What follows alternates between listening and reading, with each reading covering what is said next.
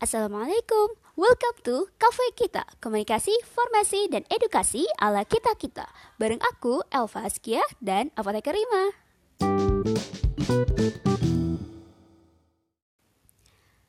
Suatu hari di Cafe Kita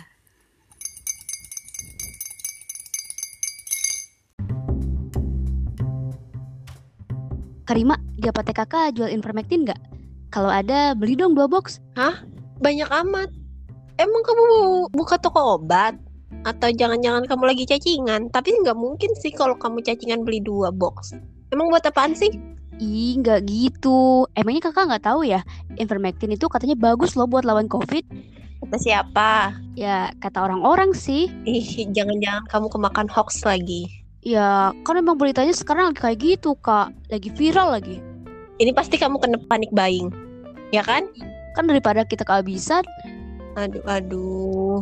Ada, ada aja kamu ini. kalau emang bener, emang Invermectin itu emang buat COVID ya, Kak? Bukan, jadi gini loh. Ivermectin itu menurut FDA di penelitian Amerika, penelitian secara in vitro memang berguna untuk melawan COVID.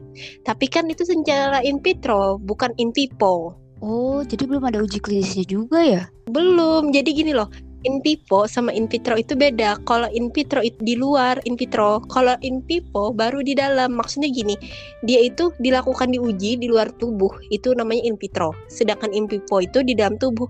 Nah, ini kan ujinya masih in vitro, bukan in vivo. Jadi uji untuk di dalam tubuh nggak ada dan sama kata kamu tadi, untuk uji klinisnya juga belum ada. Jadi janganlah kamu beli-beli yang kayak gitu.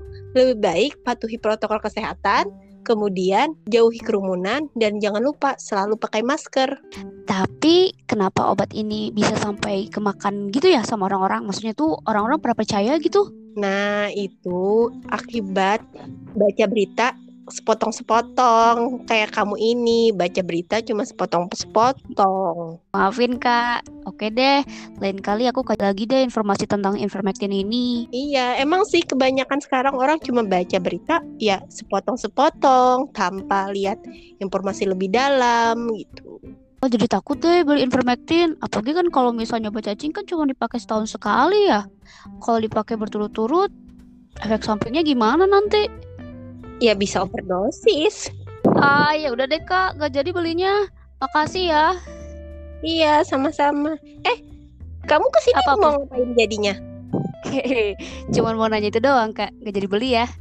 Enggak. Oke, Udah kak, kak. makasih. Assalamualaikum. Waalaikumsalam.